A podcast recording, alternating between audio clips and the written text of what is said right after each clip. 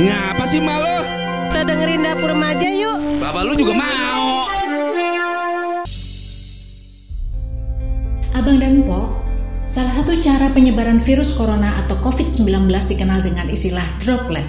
Droplet adalah penyebaran penyakit yang terjadi ketika orang sakit berbicara, batuk atau bersin, sehingga mengeluarkan partikel kuman yang kemudian berterbangan dan menempel pada mulut, mata, atau hidung orang yang sehat.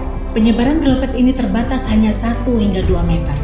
Makanya kita diminta untuk menjaga jarak.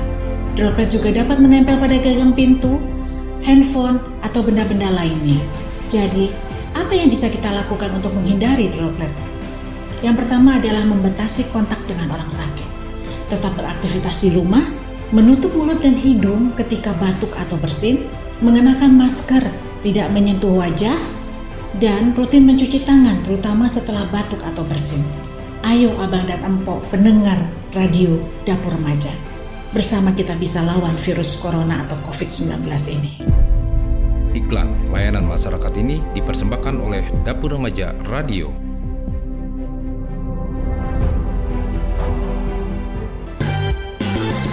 Telusur Wilayah bersama program ngopi jalan-jalan. Banyak hal yang perlu Abang Posima di acara Ngopi Jalan-Jalan. Mengungkap fakta dan fenomena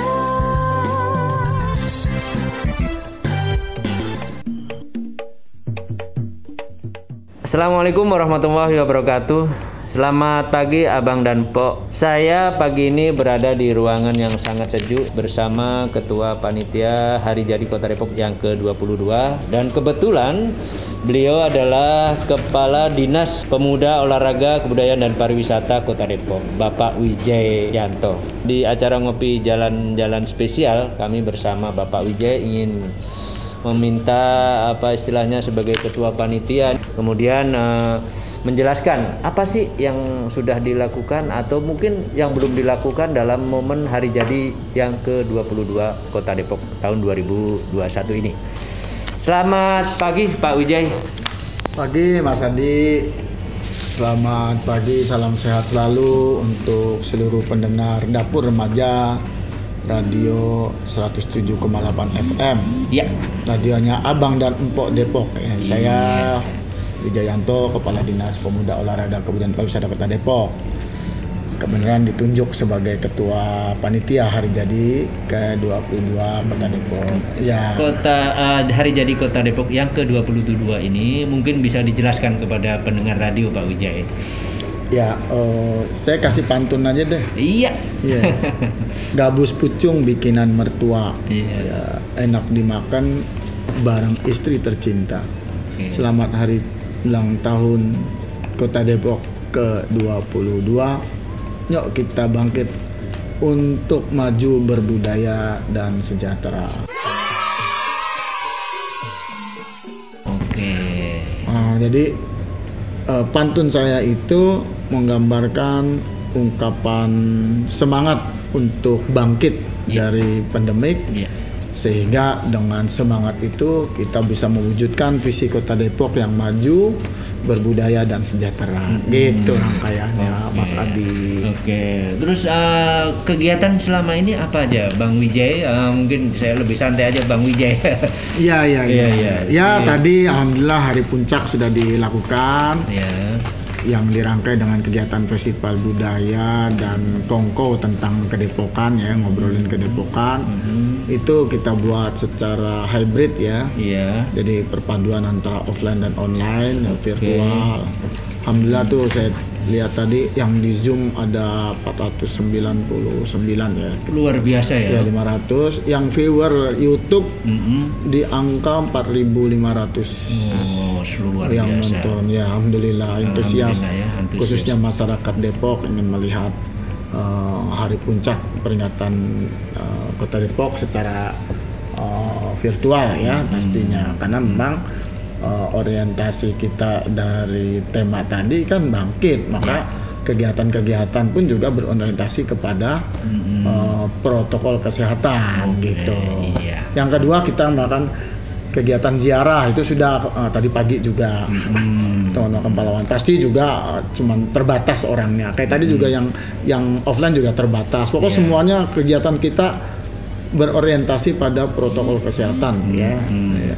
kemudian rapat paripurna juga kemarin Iya. eh, dan tasakuran juga dengan keterbatasan anggota Iya. sebagian juga ada yang virtual jadi Iya. kita buat sedemikian yang Masih lain ya? masih banyak ya ada Ya.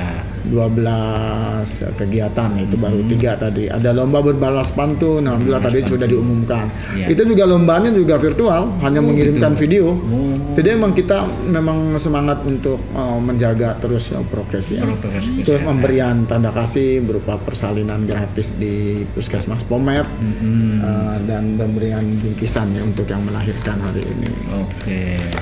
Bisa dilanjut Bang Wijay, mungkin momen-momen kegiatan di dalam rangka HUT Hari Jadi Kota Depok Ya, ini. yang lain eh, untuk eh, teman-teman yang usianya 17 tahun hari ini juga langsung dijadiin tuh dibikinin KTP. Oh, Wah, KTP ya, langsung Jadi, jadi, tadi ya. alhamdulillah di, dilaporkan ke saya tuh ada sudah 50 orang yang hari ini lahir biasa tanggal ya, biasa. Hmm. berusia 17 hari ini lahir 17. Usia 17 Bang Usia Wijay. 17 Di- langsung jadi KTP-nya dari Oh, kemarin udah diworo-woro pada datang merekam langsung jadi sekarang kan simple ya Hmm. Iya, betul. simple kan. Hmm. terus ada pasar murah nanti di bulan Mei ya Oh, bulan sekarang Mei lagi ya. persiapan pengadaannya Hmm. tapi pemba- tetap pembagian atau distribusinya juga eh, kita atur ya, Ya, biar betul. sesuai dengan eh, prokes Mm-mm. kemudian juga ada kegiatan gelar, gelar produk online ya produknya UMKM di gelar Oke. online ada linknya silakan dibeli bisa langsung juga sekaligus ada webinar tentang UMKM Iya. yang bangkit Mm-mm. kemudian juga sejak eh, awal eh, sejak bulan lalu dilakukan lomba R3 ya pengelolaan R3. pengelolaan sampah ya reduce reuse dan recycle Mm-mm. yang dilaksanakan oleh lingkungan hidup itu pesertanya dari bank-bank sampah yang ada di kota Depok. Oh, Tadi diumumkan tuh. tadi pemenang. diumumkan ya. Hmm. Oh, Sudah ada pemenangnya juga Ya, ya. terus yang ke-10 eh, hari ini juga ada penyuluhan kesehatan di 38 puskesmas yang ada di kota Depok. Serentak Iya, tuh. Serentak. Ya, yang penting kan eh, ya, tadi eh, tetap menjaga eh, prokes gitu Iya. ya. Mm. Terus eh, pagi juga tadi ada kegiatan launching Simora ya sistem edukasi mobil ramah anak nih Hmm. teman-teman di eh, dinas BPM Pemtek B, B. BPL iya Ya. pemberdayaan dan perlindungan anak ya Iya, betul.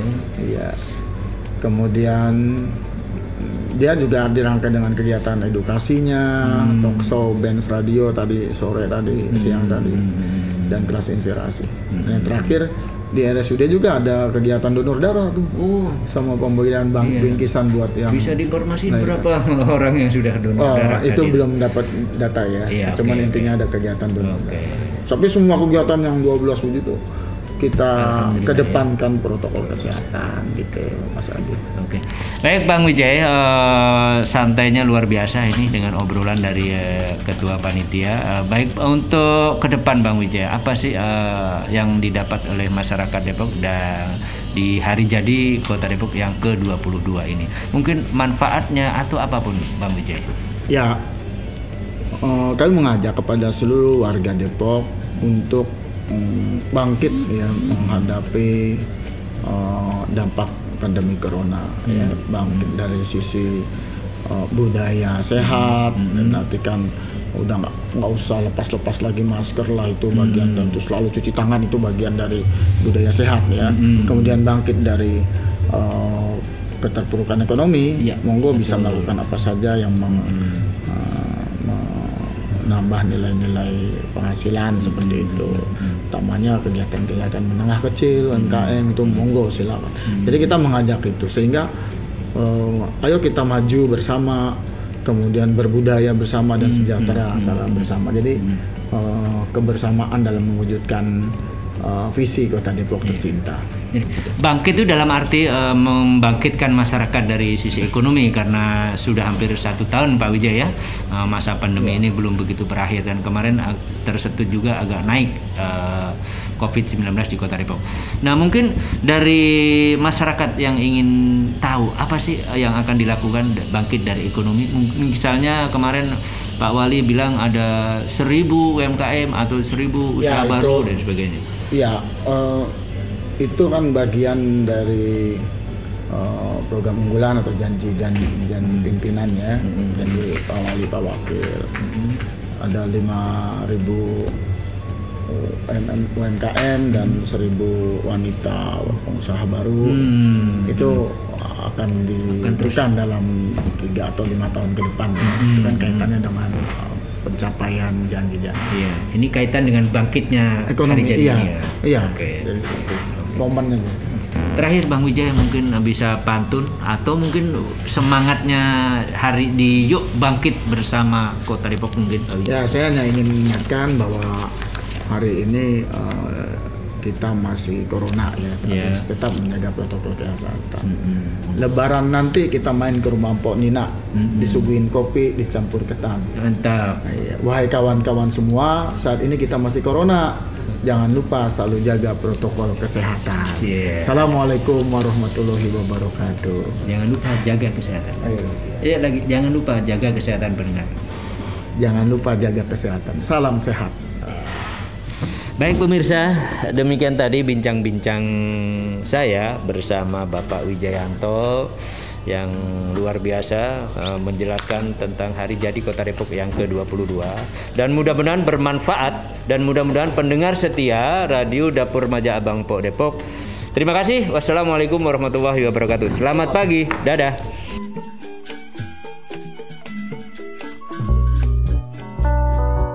Saat ini virus corona atau COVID-19 sedang menghantui negara kita tercinta. Dan saat ini, negara membutuhkan partisipasi kita semua untuk membantu memutus penyebarannya.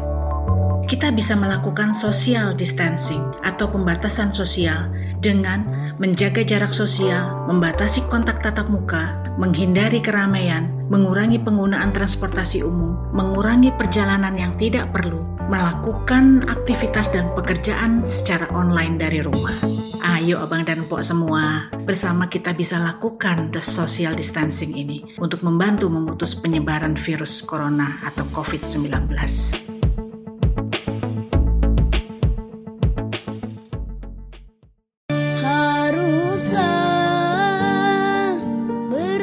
Sampai di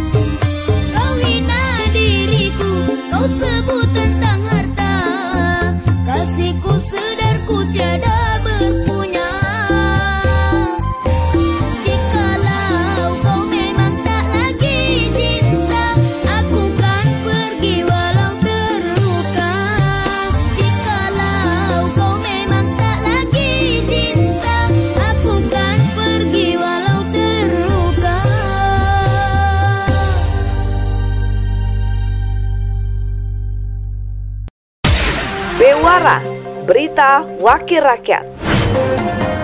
Dewan Perwakilan Rakyat Daerah atau DPRD Provinsi Jawa Barat melalui Komisi 1 mengumumkan calon anggota Komisi Penyiaran Indonesia Daerah atau KPID Jawa Barat terpilih untuk periode 2020-2023. Ketua Komisi 1 Bedi Budiman mengungkapkan tujuh komisioner KPID Provinsi Jawa Barat periode 2020-2023 tersebut ditentukan melalui rapat pleno usai pihaknya menggelar tahapan uji kelayakan dan kepatutan kepada 21 calon komisioner yang berlangsung selama dua hari yaitu 28 dan 29 September 2020. Kami telah memilih tujuh orang calon komisioner KPID terpilih hasil dari fit and proper test. Ketujuh komisioner KPID Jabar terpilih periode 2020-2023 yaitu Jalu P. Priyambodo, Ahmad Abdul Basit, Adiana Slamet, Elang Gantoni Malik, Saifur Rahman Ahmad, M. Sudama Dipawikarta, dan Roni Tabroni dipersembahkan oleh Humas DPRD Provinsi Jawa Barat.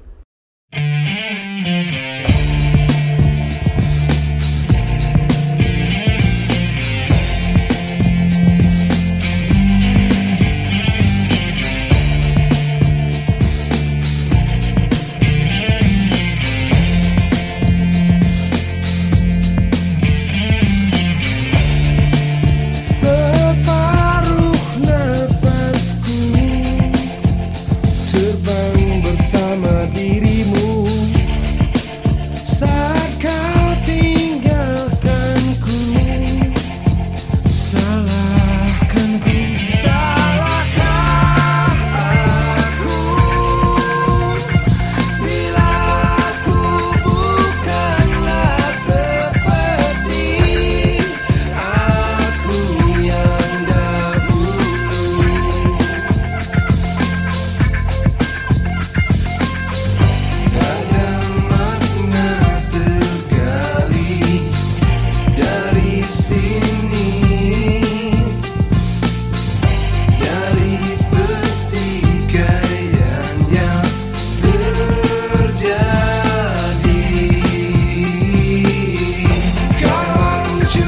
Chame-me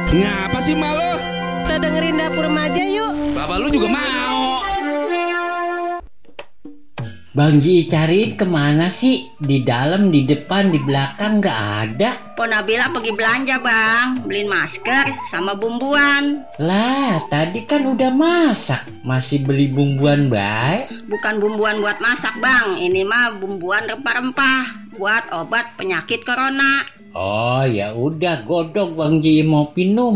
Iya bang, kalau rempah-rempah makan obat alami. Iya, di samping kita nggak boleh ngumpul-ngumpul, juga nggak boleh kelayaban jauh-jauh. Kita juga harus mengkonsumsi obat untuk mencegah virus corona. Lah iya, kita kan dianjurkan ke mana-mana kudu pakai masker. Kalau pulang dari mana-mana cuci tangan. Lah kita kudu jaga kebersihan dan kesehatan. Ada suling di atas tikar. Di samping berdoa, kita juga harus berikhtiar. Batik celana indah warnanya. Di balik bencana corona, semoga membawa hikmah. Iklan layanan masyarakat ini dipersembahkan oleh Dapur Remaja Radio. Insting, inspirasi penting. Kisah-kisah inspirasi yang penting untuk memperbaharui hati dan pikiran kita.